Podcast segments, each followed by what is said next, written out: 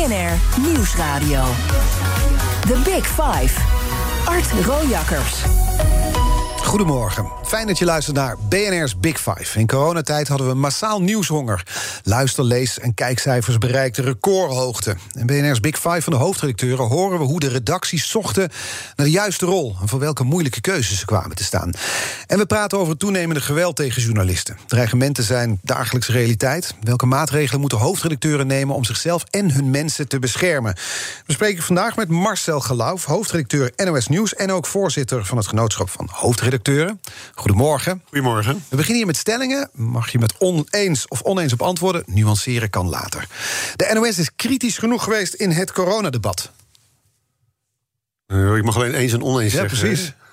Uh, dan is het antwoord niet kritisch genoeg. Niet kritisch genoeg, oké. Ongehoord Nederland voegt iets toe aan het omroepbestel. Nou, dat heb ik nog niet ontdekt. Nog niet ontdekt. En ook wij bij de NOS worden beïnvloed door klik- en luistercijfers en kijkcijfers. Het is belangrijk om je af te vragen wat je publiek is en wie er naar je kijkt en naar je luistert en bij je komt. Ik noteer een ja. Ja. U staat al bijna even kijken, tien jaar aan het roer bij de, bij de NOS. Wat, wat, ja, hoe, hoe, zou je zelf typeren als hoofdredacteur? Uh, ik denk dat het heel belangrijk is om uh, uh, ervoor te zorgen dat de redactie in alle breedte, in, in, in onze opdracht, in onze publieke opdracht, um, kan doen wat, wat ze moet doen. Um, daar de ruimte voor geven, uh, daar de inspiratie voor geven, daar het vertrouwen in geven. Uh, uh, ruimte te maken voor de publieke, voor voor de, voor de permanente journalistieke discussie. Voor vernieuwing, voor verandering. Dat is denk ik wat ik heb geprobeerd te doen. en de kern is natuurlijk dat we een publieke omroep zijn. Dus dat we onze publieke taak uitoefenen. Ja. Wat bevalt eraan? Want het is de grootste nieuwsorganisatie van ons land, volgens mij, de NOS. Nou, ja, dat weet ik niet. Dat kan je ook zeggen dat dat DPG is. Het is een beetje ja. maar het is een grote redactie. Ja. Ja. Wat, wat, bevalt er aan het leiden van zo'n enorme organisatie, van zo'n redactie? Uh, het, het, wat mij altijd aangetrokken heeft uh, in de journalistiek, niet alleen hier, maar ook uh, wat ik daarvoor gedaan heb bij RTL, bij kranten, is, is toch de gezamenlijkheid waarmee je het journalistieke product maakt. Waarmee je uh, aan nieuwsberichtgeving doet, waarmee je programma's ontwikkelt, waarmee je samen iets volbrengt. Daar zit altijd mijn drive in. Het teamwork. Het teamwork, ja. En, en dan in mijn verantwoordelijkheid ervoor zorgen dat dat teamwork, daar waar het nodig is, ontstaat, verder gaat, programma's ontstaan, kwaliteit is. Um, zodat je um, nou ja, voorwaarden schept bezig ben. Vooral organisatorisch, uh, managerial, uh, inspiratie biedt, perspectief biedt. Ik ben nooit een journalist geweest die op een zolderkamer ging zitten... en drie weken in mijn eentje aan een onderwerp ging werken. Heb ik eigenlijk nooit gedaan, heb ik me nooit thuis in gevoeld. Nee, het, is, het zit hem in dat team, teamwork. Nou noemde je al RTL, want daar uh, is je carrière nou, begonnen. Tenminste, dat, dat claimde Harm Tazelaar, hoofdredacteur van het RTL ja, Nieuws. dat had hij mis. Dat had hij mis nou ja, die was gisteren mijn gast Ja. en die had een kettingvraag voor je. Dat was, was deze. Hi Marcel, uh, wat ik van jou zou willen weten is... je bent opgeleid en gevormd als televisiejournalist bij RTL Nieuws. Uh, ik zou graag willen weten, wat heb je er nou van meegenomen naar de NOS? Want dat zit natuurlijk voor een deel ook in je DNA. En wat is er nou nosserigs bijgekomen? Nosserigs bijgekomen? Ja, NOS, hè? Ja. Zo heten we, heet niet NOS, maar NOS. Wij het een beetje Uh, nou, voor de helderheid, ik ben 1980 in de journalistiek begonnen, bij, bij kranten gewerkt en in 92 naar RTL gegaan. Dus qua televisie klopt Dat is het een wel. basis. Qua journalistiek klopt het niet. Was ik al wat langer actief. Ik denk dat het antwoord vooral zit in um, uh, dat ik bij, en, uh, bij RTL natuurlijk geleerd heb wat, wat nieuwsjournalistiek en televisie betekent, hoe dat werkt. Want Mhm. ik kwam daarvoor bij een krant vandaan. Dus daar ligt natuurlijk een hele belangrijke leerschool in. Gewoon het vak leren. Hoe, hoe doe je dat? Nieuws op televisie maken. Wat vraagt televisie? En als het gaat meer om de journalistieke cultuur, dan zit dat meer, denk ik, in de hoek. Wat ik ervan meegenomen heb, is gewoon de durf en het improvisatievermogen om dingen te gaan doen. Het aardige van bij RTL Nieuws was natuurlijk dat het toen ik er kwam, werkten er geloof ik 50 mensen in 92. Dat is daarna gegroeid. Het was een hele kleine redactie, was een underdog. Uh, en we verbrachten natuurlijk fantastische dingen, vonden we vooral zelf. Mhm. Mm -hmm. um, uh, maar was misschien ook wel zo. In ieder geval, die jaren waarin ik daar gewerkt heb en, en, en meegewerkt heb, het opbouwen van, van die redactie. Nou, daar zat een hele sterke kracht in van we doen dat gewoon samen. Uh, en waar het moet, ga, ja, gaan we door conventies heen. Ja. En die, vroeg... kracht, en die kracht heb ik wel meegenomen, denk ja. ik. En wat is er voor nosserig, zoals Harm Tazelaar het noemt, eraan toegevoegd sindsdien? Ja. Um, Ja, nou ja, ik, zit, ik werk daar bijna twintig jaar. Hè, dus de vraag is dan: um, wat is dan des NOS? En wat, is, um, wat is beïnvloed door de samenleving? Wat komt van buiten? Wat komt van binnen?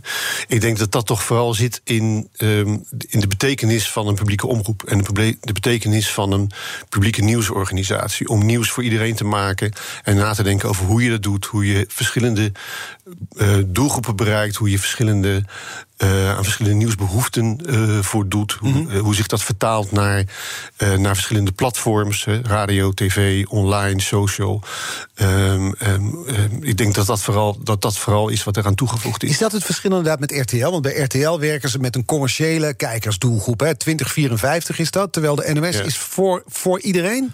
Ja, volgens de mediawet maken wij nieuws voor iedereen. Dus dat is, heb ik wel eens gezegd, van 8 tot 108 en van niet opgeleid tot heel hoog, geleid, heel hoog opgeleid. Dat is een kern van ons als publieke omroep. Je maakt nieuws uh, voor iedereen. Dus daar ligt een, een fundamenteel verschil uh, in waarom je bestaat en waarom je doet wat je doet. Is het daarmee ja. dan ook lastiger om een NOS-journaal te maken dan een RTL Nieuws? Omdat je meer verschillende ja, mensen moet bereiken? Een beetje wel. Een beetje wel. Um, de discussie over het NOS-journaal. Als het over het NOS gaat, gaat het vaak over het NOS-journaal. Uh, terwijl we natuurlijk ook radio doen. Mm -hmm. uh, elke dag online en, en via social miljoenen mensen bereiken. Inmiddels en daar hele diverse producten maken. Uh, zoals NOS op 3 bijvoorbeeld doet. Ja. Maar als het over televisie gaat, dan gaat het vaak inderdaad over het, over het journaal, over het NOS-journaal. Nou, maar het journaal, precies. Ja, nou ja, dat is een samenvatting van het nieuws van de afgelopen 18 of 24 uur. En dat maak je voor een heel breed publiek, uh, inderdaad. En aan de ene kant roept dat vaak reacties op dat het oppervlakkig en te beperkt is. Uh, en dat je uh, allerlei dingen niet aanraakt. En aan de andere kant hoor je ook wel dat mensen zeggen dat het, um, het, ja, dat het, dat het misschien niet altijd even begrijpelijk is of te veel bekend veronderstelt. Omdat je daar heel erg ja, ergens in het midden zit tussen die, in die enorme doelgroep. En dat is anders dan bij RTL Nieuws, dat half acht nieuws. Nou, ik denk dat het daar minder speelt door wat jij zei, door wat de doelgroep is. Um, die is natuurlijk kleiner, beperkter, dus daar heb je dat, dat punt denk ik minder. Ja. Dus da daarmee is dat dan, want, want u, uh, ik zeg u en jij, ja. alles door elkaar. Zeg gewoon maar jij hoor. Jij, oké. Okay. Nou, je, je, noemde in een interview met Villa Media, had ik het gisteren met Harm Taaslak over. Het RTL-nieuws ooit aardser, simpeler, oppervlakkiger en met minder duiding. Ja. Zijn nog steeds achter die typering? Ja, ik denk dat dat in hoofdlijnen nog, nog steeds wel zo is. Uh, hem we zijn wel verder, we net bespreken? Nou, we zijn wel verder naar elkaar toegeschoven. Ik denk dat dit een aantal jaar geleden is. Um, maar in, in hoofdlijnen is dat wel zo. Ik denk zeker dat het aardser is. Uh, maar, ik wist niet goed wat dat betekende, dat aardser. Nou, daar, wordt, daarvan, daar waar in het verleden van de NWS werd, werd gezegd, of wordt gezegd, dat wij institutioneler zijn, dus ons meer op de instituties richten. Um, um, staat daar tegenover, zou je kunnen zeggen, aardser in de zin van um, dat, dat onderwerpen eerder, of de toon van het programma eerder een luchtige toon heeft, of eerder een wat menselijke toon heeft. Ik denk dat daar een nuanceverschil ligt. We zijn wel in de loop der jaren naar elkaar toegegroeid. Mm -hmm. en ik denk dat wij meer energie steken of kunnen steken in duiding, achtergronden, uh, verdieping. Uh, we zijn natuurlijk als redactie ook groter, dus dat kan ook makkelijker. Um, ik denk dat daar nuanceverschillen liggen. Want daar had ik het met Taaslaar ook over. Dat goede journalistiek kost geld. Daar waar, daar, daar, dat was hij ja. met me eens. De NOS heeft meer geld dan RTL Nieuws. Toen trok ik de snelle conclusie: dan is de NOS dus beter. Daar was nou, niet mee eens. Nee, maar dat lijkt me ook een veel te simpele conclusie. Want het gaat, dat, dat zit natuurlijk niet in geld. Want wij, wij doen ook veel meer. Uh, dus uh, als je meer geld hebt, dan maak je misschien meer. Wat niet per definitie betekent dat het altijd beter is. Dus dat, dat, dat, dat lijkt me niet een logische vergelijking. Nee. Maar dus dat, dat aardse, dat, dat, dat oppervlakkiger... Ja, Harm Tazelaar was er uiteraard niet mee, mee eens. Nee, dat want, zou ik niet verwachten. Nee, want ik, maar ik hoor je een paar typeringen. Het is makkelijker maken, het RTL Nieuws. Het is dus oppervlakkiger. Het is voor een beperktere doelgroep. Hij heeft een makkelijker baantje dan, uh, dan jij. Nou, dat weet ik niet. Uh, of, of hij een makkelijker baantje heeft, dat, dat, moet je aan hem zelf vragen. Of had je gisteren aan hem moeten vragen. Ik denk dat we allebei uh, een, een, baan hebben die veel vraagt. Uh, omdat we in een organisatie zitten die mm -hmm. veel vragen. En een, en een vakbedrijven dat veel vraagt. Zeker in deze tijd van, van 24 uur nieuwscyclus. van, van polarisatie. Dus ik weet niet of hij het veel makkelijker heeft dan ik. Nee, nou, over die polarisatie gesproken. Mis je RTL Nieuws nog wel eens? Want ik dacht, ja, dan heb je niet meer te maken met al die verwijten over. We komen erover te spreken over staatsomroep, over fake news, noem maar op. Zo alles wat zich op de NOS richt. Um, Nou, er heeft wel eens een hoofdredacteur van een, van een grote, succesvolle krant tegen mij gezegd: Jij hebt een veel zwaardere baan dan ik. Door dit soort dingen, wat ik me eigenlijk nooit zo realiseerde. Uh, ja, de wereld waarin we leven is natuurlijk wat je gewend bent, waar je, wat, je, wat je erbij krijgt. Mm Um, ik kan mij voorstellen dat wij als NOS wel uh, uh, daar meer last van hebben, tussen aanhalingstekens, dan, dan bij RTL. Uh, ja, het, het, is wat het is. Het, ja. het, hoort erbij en het, en het is blijkbaar onvermijdelijk tegenwoordig. Ja, maar toch, al die opmerkingen over fake news, staatsomroep, de schapen van Rutte, noem maar op, er komt van alles voorbij. Wat doet dat met een hoofdredacteur die trots is op zijn organisatie? Nou, die wordt er vaak nog trotser op. Uh, door wat we doen en, en, en het succes wat we boeken. Uh, want ik denk dat we een succesvolle organisatie zijn. Als je kijkt naar je, het bereik van de NOS is meer dan 90 procent. Dus als publieke omroep, bereik, publieke nieuwsorganisatie... bereiken we meer dan 90 procent van de, van de Nederlanders op, op weekbasis. We zijn erin in geslaagd om, uh, om te vernieuwen op allerlei manieren. Met name online. Um, dus ja, soms, soms is het uitputtend alles wat, je, wat er op je afkomt. Uh, het is soms zoeken naar hoe je daar nou het beste mee om kan gaan. Uh, soms maakt het ook wel boos, omdat het ook, nou ja. Uh, onder de gordel is, of heel persoonlijk is, of heel persoonlijk vooral naar collega's ook. Um, het is belangrijk om een onderscheid te maken tussen de persoon en de functionarissen. Als je dat soort dingen in je eigen mhm. richting krijgt, dat ook wel naar mij persoonlijk gebeurt. Om te beseffen dat dat gebeurt omdat ik nu eenmaal de hoofdredacteur ben, um, uh, uh, niet omdat ik Marcel ben. Um, als je dat onderscheid maakt, dan kan je toch gewoon uh, goed gaan slapen. Ik slaap heel goed over het algemeen. Uh, maar het vergt, wel, het vergt wel energie. Het vergt wel een, een, deel van de tijd zit hem in het beantwoorden daarvan, het nadenken, in het omgaan daarmee. Uh, daar. Um, verstandige wegen in kiezen. Uh, hoe ga je om met transparantie? Welk gesprek ga je wel aan? Mm. Welk gesprek ga je niet aan? Wat laat je passeren? Als je het laat passeren, uh, dan kan je zeggen, dan laat je het bestaan. Maar als je het gesprek aangaat, geef je het misschien zuurstof en maak je het groter. Continue balanceren. Het is het continue balanceren. En, en, en dat is wel al natuurlijk een gesprek op de redactie en binnen de NOS en binnen de journalistieke organisaties, denk ik, maar zeker vooral binnen de NOS. Omdat we als publieke omroep, publieke nieuwsorganisatie, um, ja, toch wel heel frequent daarin uh, uh, onder vuur liggen. Mm. Um, het vraagt wel, wel aandacht en energie. Ja, en dat betekent minder aandacht en energie voor de journalistiek. The Big Five. Art Rojakkers. Deze week in de Big Five vijf kopstukken uit de wereld van de hoofdredacteur. Oftewel vijf hoofdredacteuren. Vandaag de gast Marcel Geloof, hoofdredacteur NOS Nieuws... en ook voorzitter van het genootschap der hoofdredacteuren. Laten we eens hebben over de impact van de coronapandemie op, uh, op jullie organisatie. Eerst, eerst over die kijkcijfers de luistercijfers en de klikcijfers... hoe je het allemaal maar mag meten. Die schoten de lucht in. Neem ons eens mee. Ja, die schoten de lucht in. Um, vanaf het moment dat corona uitbrak, uh, begin vorig jaar, in maart hè, was het denk ik, um, zag, je, uh, zag je die echt uh, toenemen. Wat nou precies het gemiddelde is over het hele jaar, dat heb ik niet voor ogen. Maar dat zit misschien wel, als je naar de, de, de klik en de, de kijkcijfers kijkt, misschien wel in 20, 25 procent. Um, niet alleen bij ons, hè, dat is denk ik breed in de journalistiek gebeurd. Uh, dat zag je ook bij de collega's. En daarin zag je terug de enorme behoefte in de samenleving aan informatie over betekenis, impact, gevolgen van, van corona. En dat is logisch, want het raakt ons allemaal mm -hmm. diep. En het raakt ons allemaal diep, want het gaat over je gezondheid en de gezondheid van je naasten. En het gaat over hoe we leven en hoe we ons verplaatsen. Ja. En dus die, zo'n stijging van 20, 25 procent misschien wel. Uh, wordt dat dan ook eigenlijk gevierd op de redactie van het Internationaal? Komt dan de hoofdredacteur dagelijks of wekelijks met nee. taart binnen? Nee. nee, dat niet. We hebben het natuurlijk wel gesignaleerd. Uh, en we hebben, het, we hebben niet elke dag over kijkcijfers, maar uh, op enige momenten natuurlijk wel. Het is ook belangrijk dat je als publieke organisatie afvraagt in welke mate je, je aan je opdracht voldoet en in welke mate je dan publiek bereikt, hè, zoals dan onze opdracht is. Um, maar dat je ziet dat uh, uh, kijk- en klikcijfers omhoog gaan in zo'n tijd van nationale crisis een internationale crisis. Uh, dat geeft toch een zekere mate van voldoening. Uh, omdat uh, mensen blijkbaar bij je terecht willen voor die, voor die informatie. -hmm. Um, Ehm, nou ja, dat, dat, dat, dat, dat, helpt wel bij wat je dagelijks moet doen in, in deze omstandigheden. Want voor, voor iedereen, en dus ook voor onze redactie, moet je tegelijkertijd ook omgaan met corona en je daarop organiseren. Precies. En het geeft ook een extra verantwoordelijkheid. Die extra, uh, dat extra grote publiek. Als we, als we daarnaar kijken, naar die verantwoordelijkheid en naar de inhoud, dan, dan citeer ik nu de NPO-ombudsman Margot Smit. Ja. Die merkte halverwege 2020 op, halverwege vorig jaar, dat kritische geluiden aan het begin van de pandemie meer ruimte hadden kunnen krijgen bij de NOS. Uh, en nou was een van die stellingen aan het begin van het uur... de NOS is kritisch genoeg geweest in het coronadebat. Toen zei je nee. nee. Ja, dat ging hierover. Ja. Ja, daarom uh, wou ik geen ja zetten. Ik denk dat we heel kritisch het gevolgd hebben. Um, maar dit, dit behoeft wel wat uitleg. Ik heb begin vorig jaar Margot gevraagd... van kijk eens naar hoe wij de eerste maanden gedaan hebben. Um, uh, en dat heeft ze toen gedaan. Uh, en daar, daar kwam uit dat zij erop wees dat we sommige sectoren eigenlijk onvoldoende aandacht hebben gegeven. Dat ging bijvoorbeeld over uh, de verpleeghuiszorg. Die kwam maar heel beperkt in onze uitzendingen terug. Dus toen ik net zei, hebben, waren we kritisch genoeg, toen ging dat, toen ging dat hierover.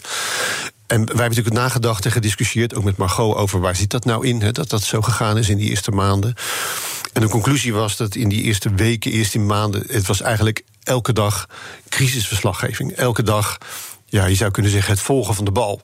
Um, de Hoe ontwikkeling. Wat zeg je? Hoe kwam dat? Dat het die Nou, crisis, in die crisisstand stond? Dat, het is een beetje, ehm, eh, zeg maar, breaking news.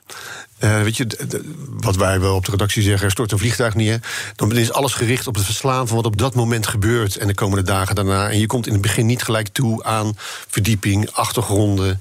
eh erboven gaan hangen en je afvragen van...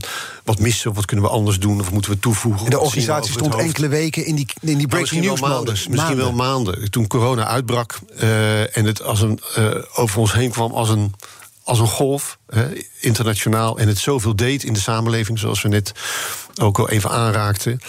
Ja, wij waren natuurlijk ook elke dag bezig met het zoeken naar wat vinden we het nieuws, wat beschrijven we daarover, welke woorden gebruiken we daar, wie laten we aan het woord. En dat, dat we hebben dag na dag. ehm, het, eh, eh, als het dan weer om televisie gaat, maar ook op de site NOS Journaals gemaakt, die, die voor de helft of meer uit corona eh, bestonden. We zijn toen een live blog begonnen. Eh, dat doen we nog steeds dagelijks. Dus, dus er zat zoveel energie in het verslaan van wat er gebeurde, dat je nauwelijks toe kwam en er een beetje boven gaan hangen. Dat Dus zelfs bij zo'n pas- grote club als de NOS is, dat dan, is die crisisstand zo acuut dat er geen ruimte is voor. Nou, Nou ja, niet geen ruimte, maar eh, niet voldoende om alles te overzien. Hè? En, en die grote club die moet wel 24 uur per dag televisie, radio, social, online, jeugdjournaal, NWS op 3, Mhm. het oog op morgen. Al die, al die elementen eh, draaien door en maken hun programma's. En ook wij, net als iedereen, hadden natuurlijk tegelijkertijd te maken met dat corona ook naar binnen kwam. In de zin van anderhalve meter, hoe organiseer, hoe organiseer je dat? eh, gedeelte van de redactie zit thuis. Hoe communiceer je? Wat doet dat met werkwijze? Ook daar zat natuurlijk veel energie in. Ja. Dus nou, dat was een element waar, waar Margot op wees. Dat we wel eh, de groeperingen aan het woord laten die, die aan het woord lieten, of veel aan het woord lieten, die de weg wisten te vinden naar, naar de journalistiek. hè. Ja, nou zorgde de- Gommersen, zal ik maar zeggen, die je overal zag. Maar sectoren die, die daar minder in, in slaagden in het begin, bijvoorbeeld verpleeghuizen. Dat die weinig toegang of minder dat we toegang die hadden. minder toegang hadden. Ja. En, en dat hadden we best kritisch kunnen beschouwen. Ja. De coronacrisis werd natuurlijk ook genoemd en wordt nog steeds genoemd als een belangrijke factor voor, zal maar zeggen, de veranderde houding van een deel van de Nederlandse bevolking tegenover journalisten. Heeft de. NOS concreet mee te maken ge- gehad? Hele concrete voorbeelden, reportagewagens waar logo's vanaf gehaald werden, geen plopkappen. Ja. Eh, op die microfoons met het NOS-logo, beveiligers mee naar bepaalde demonstraties. Is de persvrijheid daarmee, vroeg ik me af, echt onder druk komen te staan? Of is het vooral, on, ja, is het vooral lastig? Is het ongemakkelijk? Nee, het is iets fundamenteels. Het is niet alleen door corona, het is al een aantal jaar gaande. In 2017 was er al een onderzoek van professor Brennickmeijer... waaruit bleek dat de journalistiek breed last heeft van agressie. En dat leidt tot wat we in het jargon, in het vak wel... het chilling effect noemen. Chilling effect. Chilling effect, dus dat je, dat je afstand neemt van een onderwerp. Dus dat je, dat je besluit een onderwerp niet te doen of er niet naartoe te gaan. Ehm, dat het, dat het, Wat voor onderwerpen bijvoorbeeld? nou ja, ga je wel of niet naar een demonstratie? Als je denkt, ik word er in elkaar geslagen, ga je er misschien niet naartoe. En kan je dus niet praten met de mensen die er demonstreren... en, en, en onderzoeken waarom ze daar staan en wat ze willen... en daar een kwaliteitsvol onderwerp van maken. Omdat je op afstand moet blijven en, en dus of er geen aandacht aan besteedt... of eh, eh, alleen van afstand daarvan wat laat zien. En dit zijn concrete discussies bij jullie op de Ja, nieuwsvloer. dat is ook gewoon gebeurd. Dat jullie niet naar demonstraties Ja, toe gingen. Of alleen van afstand, of alleen beeld van anderen Over gebruikt. wat voor demonstraties hebben we het dan? op, op het Malieveld, op eh, het Museumplein. En da- daar gingen jullie journalisten, zeiden, daar gaan wij niet naartoe. Daar doen we geen Nou, verslag van. Nou, of we bleven op afstand en, en, en deden het alleen van afstand en gingen het niet in, omdat we het gewoon te onveilig vonden. Ehm, dat hebben we wel En dat, gedaan. die onveiligheid was gebaseerd op wat? Op gewoon ervaringen. Ervaring van intimidatie, uitschelden, eh, uitzendingen eh, verstoren... in de zin van kruisgesprekken verstoren, tegen auto's aanschoppen... tegen auto's aanpissen. eh, echte bedreigingen van verslaggevers op straat. En- niet één keer, heel, heel frequent. Hè. Nou ja, de- dat, is, dat is een breed probleem. Eh, En daarmee komt dan nieuwsgaring in het geding, omdat dat Ja. soort demonstraties dus niet meer verslagen ja, die kunnen worden. Nou ja, niet meer verslagen. Ehm, zo erg is het natuurlijk niet. Op een andere manier. maar op een andere manier. Eh, De journalistiek in de, heeft daar breed last van. Hè. Zeker niet alleen de NOS. Als ik ervaringen bijvoorbeeld hoor van, van en lees van collega's van regionale omroepen. Mhm. ehm, dan komt dat ook. eh, Echt heel regelmatig voor. Allerlei vormen van intimidatie. Ehm, en dat, is- dat is echt een heel. eh, ja, dat is, je, het is een bedreiging voor de journalistiek, een bedreiging voor de persvrijheid. En daarmee ook gewoon een aantasting van de democratie. Ja. De journalistiek zou natuurlijk juist breed gesteund moeten worden. Het, tegelijkertijd, ik sprak er gisteren over met Harm Tazelaar... ook over jullie, jullie actie om te zeggen... van, nou, we, we gaan het anders aanpakken, we, doen- we gaan die logo's ervan Dat afhalen. was geen actie, hè? dat was gewoon een noodzakelijk besluit. Noodzakelijk besluit. Maar dit zei Harm Tazelaar erover. Ik vond dat wel ver gaan, moet ik zeggen. Omdat ik vind dat je je nooit moet eh, eh, verschuilen. Je moet altijd met open vizier eh, moet je, eh, de, de, de strijd aangaan. Al- Als er sprake is van een strijd, maar een stuk metaforisch gesproken. Eh, en ik vind dat je altijd moet zeggen van... eh, ja, nee, ik ben dan Nos, ik ben van RTL Nieuws, ik ben van weet ik veel wat. Ja, en als mensen daar verkeerd op reageren, dat is dan heel vervelend. En dus in die zin begrijp ik wel dat, eh, dat eh, Marcel dat besluit heeft genomen. Maar ik denk niet dat ik het zou hebben genomen. Ja, dat is aan hem. Eh, eh, wij vonden het echt onverantwoord om ermee door te gaan. Ik denk dat er een verschil is tussen, tussen het al dan niet logo's op je auto's hebben en, en strijden met open vizier. Eh, als we ergens komen, zeggen we nog steeds van, dat we van de NOS zijn. Maar daar waar het ging om, om, om auto's eh, eh, waar, waar apparatuur in staat. ehm, eh, dus de, de, de, mensen die erop zaten, de collega's die erop zitten, de technici die erop zaten, die zeiden: we willen dit gewoon niet meer. We willen niet meer onderweg zijn en met de angst dat er een auto voor je gaat rijden en plotseling op je, op je rem gaat staan. Want dat, was wat ze meemaakten. dat zijn dingen die ze meemaakten. Dus ze zitten alleen op die auto's. Ehm, dan kan je zeggen van achter je bureau: ik zou dat niet gedaan hebben, maar je zal maar in die auto zitten. Dan gaat het niet alleen om wat er gebeurt. hè, dat het daadwerkelijk gebeurt. Of dat je afgesneden wordt. is allemaal gebeurd. Maar ook de angst dat het gebeurt. Daar heb je dan als bedrijf een verantwoordelijkheid in. Ehm, die hebben genomen. En die agressie is echt een stuk afgenomen. Dus ja, het principiële standpunt van Harm snap ik wel. Eh, maar ehm, als je in die auto zit, eh, dan zit je daar. En daar hebben we echt de verantwoordelijkheid in.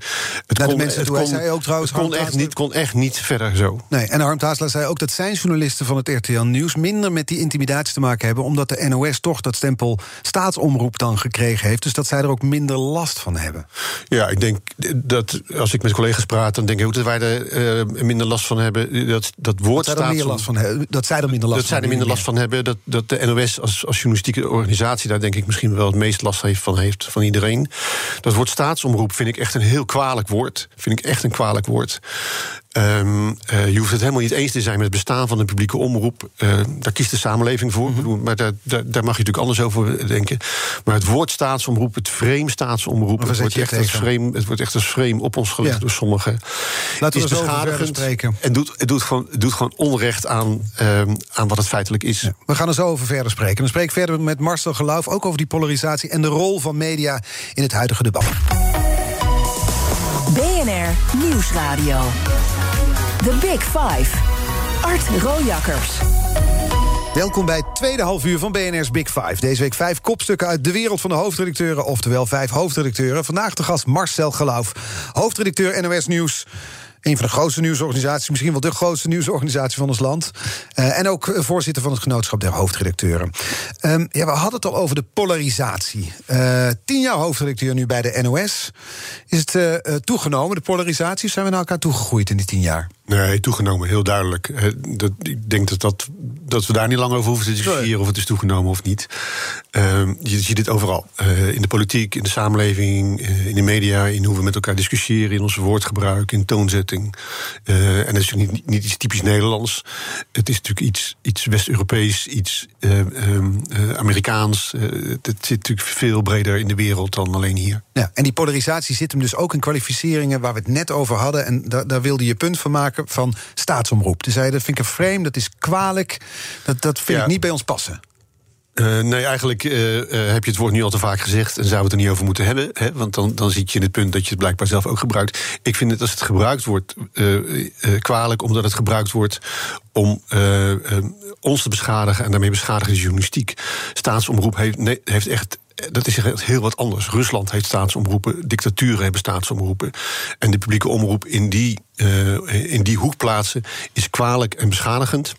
Uh, en, en vooral doet volstrekt onrecht aan, aan wie we zijn, aan wat we doen en aan onze, onze positie. Er is, een wettelijke, er is wettelijk geregeld dat we een onafhankelijke redactie zijn.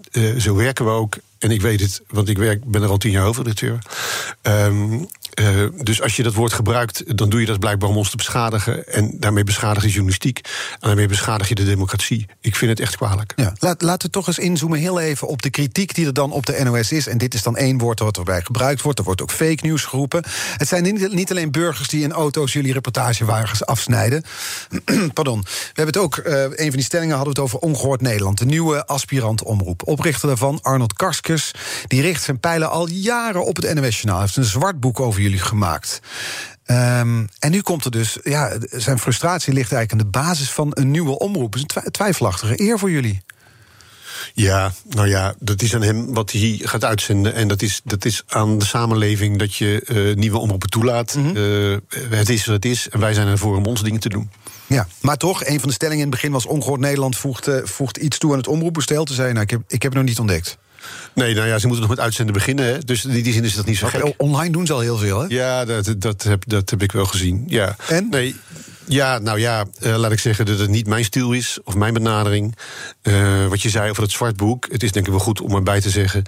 Um, dat wij natuurlijk gereageerd hebben op een aantal van de dingen die hij aanbracht. Um, hij is bij de ombudsman geweest, hij is bij het OM geweest, hij is bij de Raad voor Journalistiek geweest. Die hebben het allemaal afgewezen wat hij zei. Zeker, we maken fouten en die moet je herstellen. Um, um, maar dat is echt wat anders dan, uh, dan wat hij ermee doet. Ik vroeg me af in hoeverre het kwalijk is voor de NOS of voor de NPO in het algemeen... dat, dat dit soort nou ja, tegenstellingen kunnen bestaan.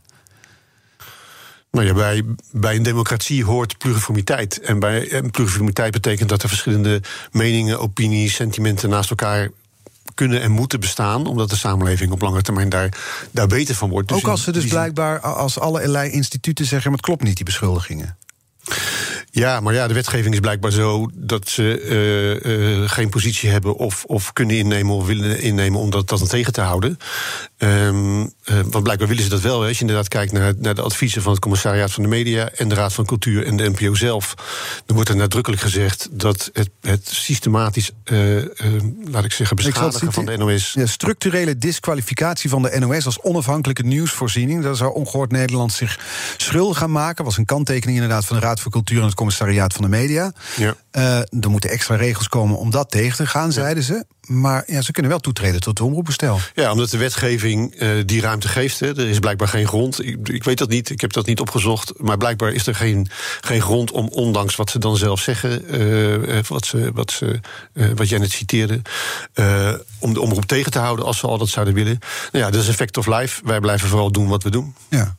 Maar ja, is, heb je er dan vertrouwen in dat zo'n omroep, zo'n aspirant omroep zich zal inhouden en zal luisteren naar de Raad voor Cultuur en het Commissariaat van de Media?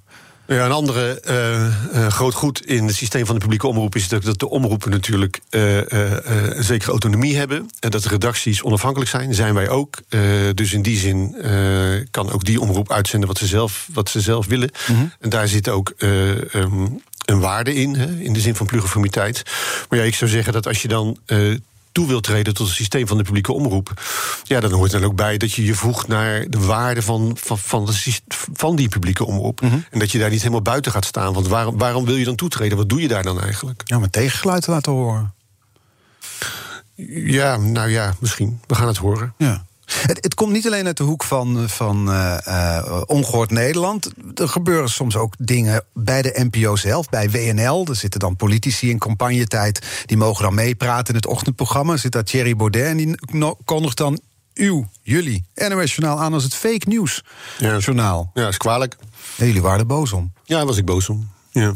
Nou, om twee redenen. Om, omdat een politicus dat doet.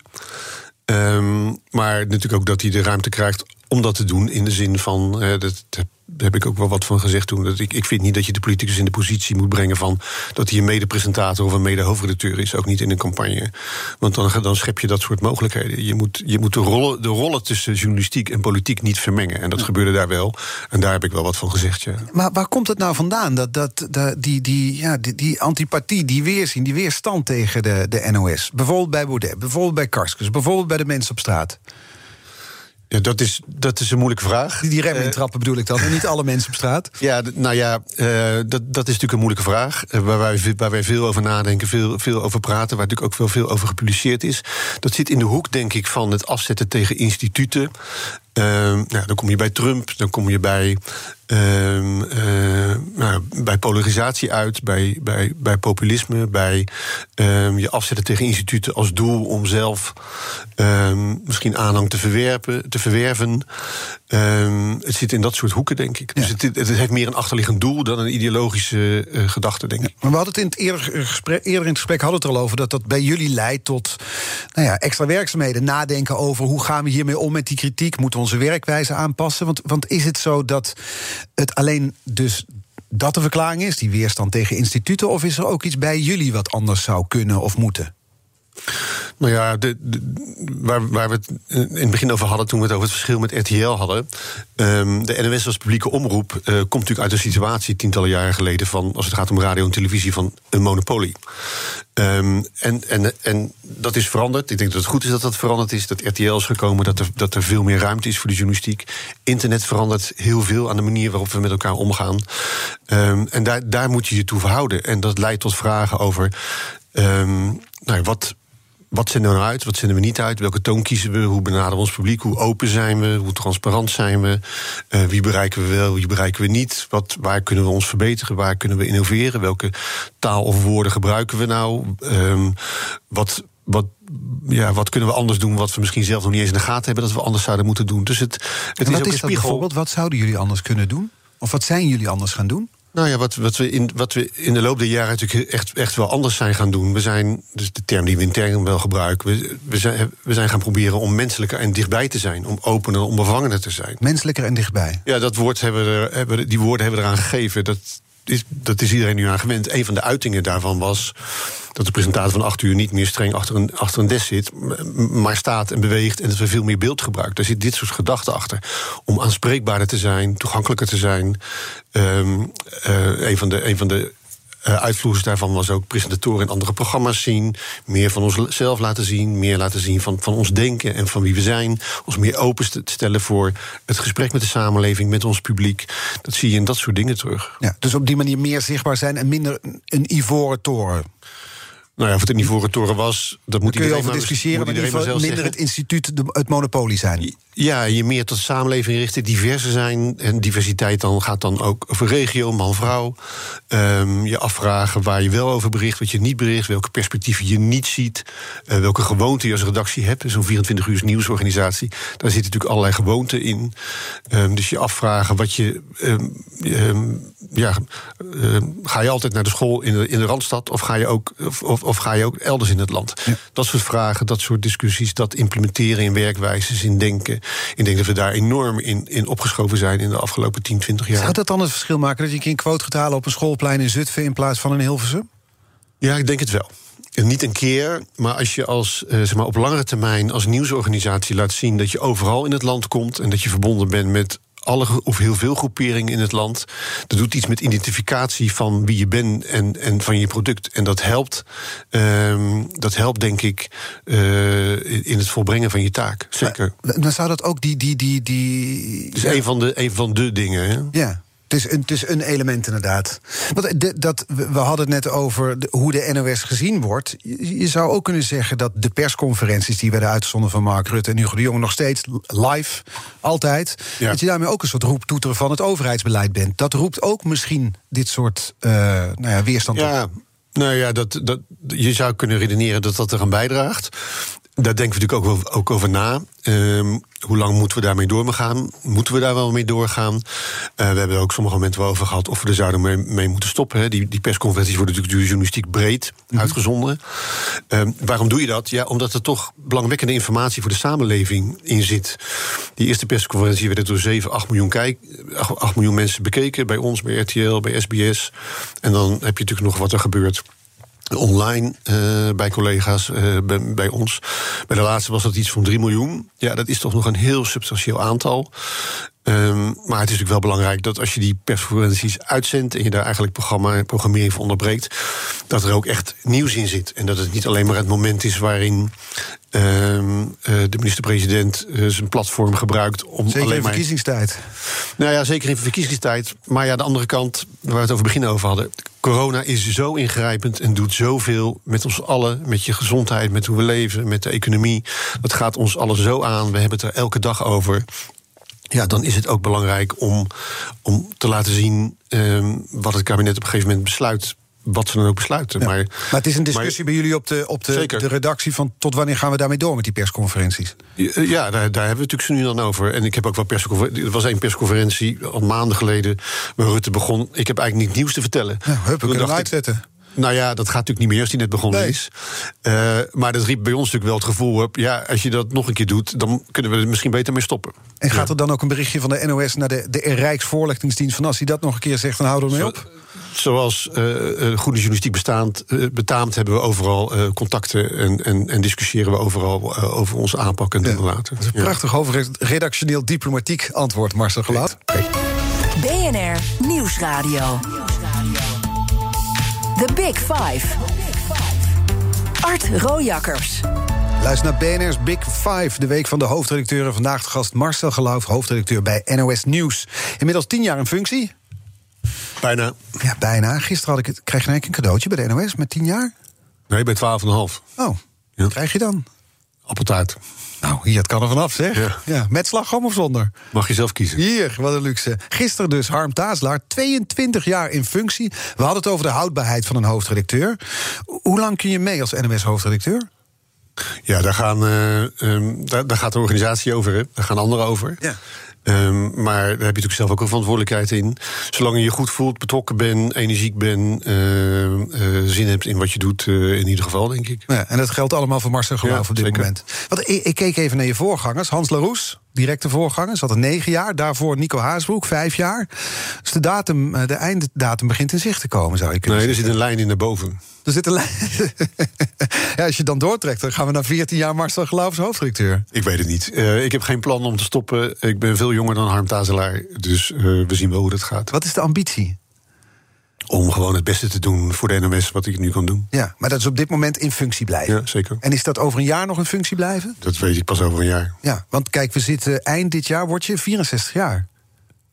Ehm, ja, dat zou kunnen, ja. Ja. Is dat een mooie leeftijd voor een pensioen voor als hoofdredacteur?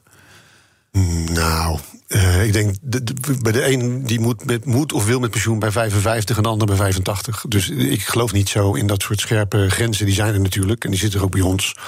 En er is natuurlijk, het is natuurlijk zo dat er een moment komt om te stoppen. Maar eh, ik voel me nu heel goed. Maar dan moet je wat bij de met pensioen, in zijn algemeenheid. Nou, dat geldt natuurlijk voor iedereen. Eh, gewoon de pensioendatum, en die is bij mij geloof ik 67. Of Oh, nog nog drie wat. jaar te gaan. Ik weet niet precies eh, wanneer dat. eh, ik, ik heb geen idee. Als ik over een jaar me heel slecht voel, is het misschien anders. Maar ik voel me nu heel goed en doe graag wat ik doe. Ja. ja ik, want ik, ik zat erover na te denken dat als je toch zo lang eh, carrière hebt nu als hoofdredacteur, met die leeftijd, wat, wat zou er kunnen komen na een hoofdredacteurschap? Wat is er in de journalistiek nog meer te doen? Ehm, ja, van alles. Maar wat ben ik helemaal niet mee bezig. Maar het- Rijken de dromen soms niet ver? Is er, eh, Harm had gisteren, ik wil nog gitaar leren spelen, ik ga lezen, ik ga schrijven. Die had allerlei plannen. Ja, nee, maar ik ben echt gewoon bezig met wat ik dagelijks eh, moet doen. Ja. Harm is in al een andere, andere fase volgens mij en we zijn geen duo. Moet, moet er na drie mannen op rij trouwens een vrouw komen bij de NOS? Dat moet echt, de, de, moet echt anderen bepalen die erover gaan. Daar ga ik helemaal niet over. Maar als ik de voorkeur vraag? Ik, ik, dat moet echt Want de NOS is van iedereen voor iedereen? Ja, maar daar ga, ik ga daar helemaal niet over. Nee, dat weet ik, maar dan kunnen we het er nog wel over hebben. Ja, maar ik ga er niet over. Maar dan kunnen we het er nog wel over hebben. Jawel. Dus, moet er een vrouw komen? Daar ga ik niet over. Nou ja, zeg. Kan ik het nog vijf keer vragen, maar komt geen antwoord? Nee, maar ik vind echt, je moet dat dit maar weer over je graf aan het regeren. Als, als, um, als iemand weggaat, dan, dan, is er een, dan is er een directie die gaat over de aanstelling van een nieuwe hoofdredacteur. En die moet dat zelf bepalen. Laten we dan eens in de toekomst proberen te kijken. Dat kunnen hoofdredacteuren misschien wel. Als we dan kijken naar bijvoorbeeld over drie jaar, als je met pensioen gaat. Hoe, hoe uh, moet de NOS tegen die tijd nog relevant zijn? Hoe ga je ervoor zorgen? Want de, de, journalistiek en de maatschappij verandert snel.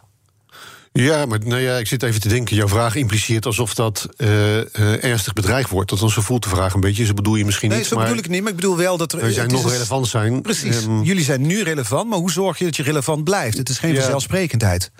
Nee, daar moet je elke dag als totale redactie hard aan werken. Precies. Wat doen. Ja, dat zit hem in, in, in, in wat je maakt, blijven vernieuwen. Je blijven afvragen wat je, um, wat je doet, hoe je dat, wat je daaraan toe kan voegen. Hè. Wat we natuurlijk nu vooral online doen. Um, wat we in podcast doen. Ja, voortdurend blijven, daar blijven gaan waar je publiek gaat, zeggen we dan altijd. Hè, want als publieke omroep uh, zijn we er voor iedereen. Uh, dus de vernieuwing op, op, op allerlei vlakken. Um, dat wat is de vernieuwing waar jullie nu mee bezig zijn, onder jouw hoofdredacteurschap? Nu, vandaag? Ja? Uh, ja, dat is natuurlijk niet op één dag. Maar, maar de dingen van, van de afgelopen periode... die zitten natuurlijk vooral in online. In wat NOS op 3 doet, in explainers, in podcasts. Maar explainers zijn die, die filmpjes op Instagram dan bijvoorbeeld, toch? Op Instagram ja. en op NOS Stories, ja. op de site. Uh, we hebben net de site vernieuwd um, uh, en veranderd. allemaal wat strakker gemaakt. Maar er zitten bijvoorbeeld ook innovaties op televisie... in het 8 uur journaal, die zullen... Um, dat zal lang niet iedereen opvallen.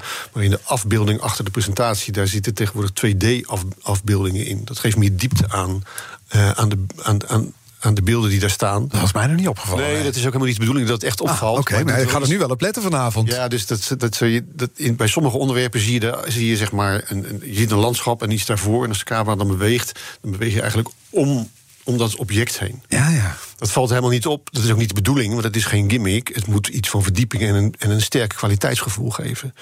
Dus er zijn allerlei vormen. Het klinkt wel als een gimmick om letterlijk verdieping te brengen. Nou, de gedachte is om uh, om het beeld nog meer te laten spreken. Hè. Televisie is beeld, uh, schermen, de techniek van tegenwoordig biedt de mogelijkheid juist om heel erg het beeld het werk te laten doen. Nou, dus zoek je manieren om ook daar verandering of een kwaliteitsverandering in te brengen. En dat hoeft helemaal niet heel zichtbaar te zijn. Als het heel erg zou opvallen, dan wordt het een gimmick. Um, dat moet je vooral niet doen. Dus het kan ook in hele kleine dingen zitten. En wat moet er nog gebeuren? Wat is nog een slag die gemaakt moet gaan worden bij NOS Nieuws in de komende jaren?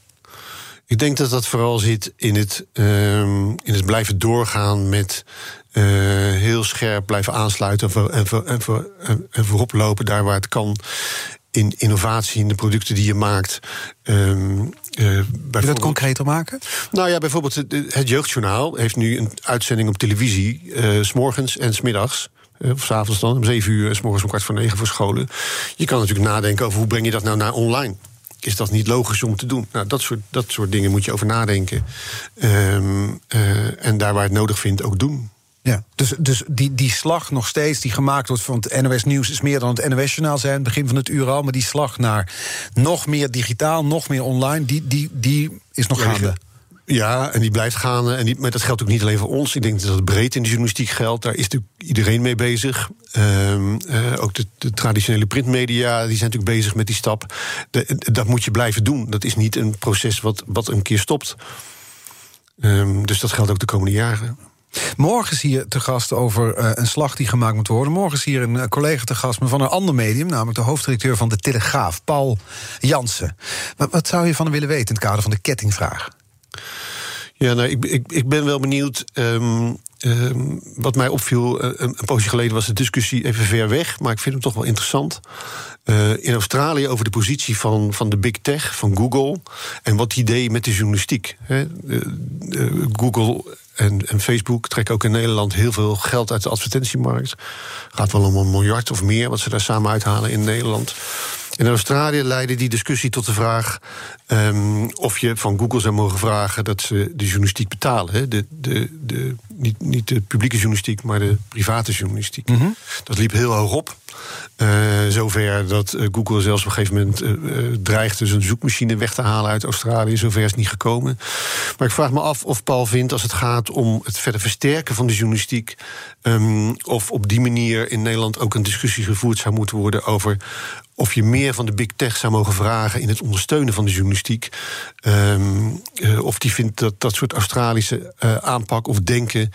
of we die discussie in Nederland ook zouden moeten beginnen. en of dat ook zou moeten, of hij daar behoefte aan heeft en dat het verstandig vindt. Wat vind je zelf? Nou, um, ja, ik. Dit, dit, dit, nee, het is mijn vraag aan Paul. Dus ja. laat Paul hem zelf eerst maar beantwoorden. Ja. De NOS heeft hier geen mening over, bedoel je? Nou ja, het is mijn vraag aan Paul. Dus um, uh, eerst hij. Oké, okay. nou, ik stel hem morgen aan Paul, uh, aan Paul Jansen, hoofdredacteur van De Telegraaf. Bijna tien jaar hoofdredacteur. Ik zei tien jaar hoofdredacteur, maar bijna tien jaar ja, hoofdredacteur. In juli, denk ik. In juli. Dan zal er misschien wel toch wel een klein speechje komen of iets. Misschien wordt er even bij de koffieautomaat bij stilgestaan. Wat hoop je dat er voor woorden dan vallen over je? Wat zou er gezegd mogen worden? Nou, ik ben vooral gelukkig als mensen zeggen dat ze het fijn vinden om bij de NOS Nieuws te werken. Ik denk dat ik dan heel blij ben. Ja, maar dan zijn ze klaar en dan gaan ze ook iets over jou zeggen, want ze hebben dan tien jaar samengewerkt. Nee, want ik ben dan op vakantie, geloof ik. Want met het tienjarig jubileum zit je in het buitenland. Ja, ik denk het wel. Nou. Dat is net mijn zomervakantie. Ja. ja. Maar ik wacht op de 12,5 jaar in de appeltijd. Ja, dan gaat het allemaal gebeuren. Ja. Oké. Okay. Ik wens je succes met het wachten. En ook succes daar bij NOS uh, Nieuws. En bij het jubileum, dus 1 juli. Dankjewel. En dank voor de komst vandaag. Marcel Geloof, hoofdredacteur van NOS Nieuws. Wat dus meer is dan het NOS Journaal om 8 uur voor alle duidelijk. En ook voorzitter van het genootschap De Hoofdredacteuren. Ik kan nog even zeggen tegen de luisteraar. Alle afleveringen van BNR's Big Five zijn natuurlijk terug te luisteren. De podcast die is te vinden in onze app, de BNR-app. En ook op bnr.nl. En nu op deze zender op deze zonnige dag. Ivan Verrips met BNR Breekt. Tot morgen. Bij BNR ben je altijd als eerste op de hoogte van het laatste nieuws. Luister dagelijks live via internet. Jelle Maasbach. Wesley Weert. We zijn er voor je met het leukste, opvallendste, maar natuurlijk ook het belangrijkste nieuws. Tijdens de presentatie van die halfjaarcijfers toen die beurskoers in elkaar kukkelde. BNR Beurs. Voor de slimme belegger. Blijf scherp en mis niets.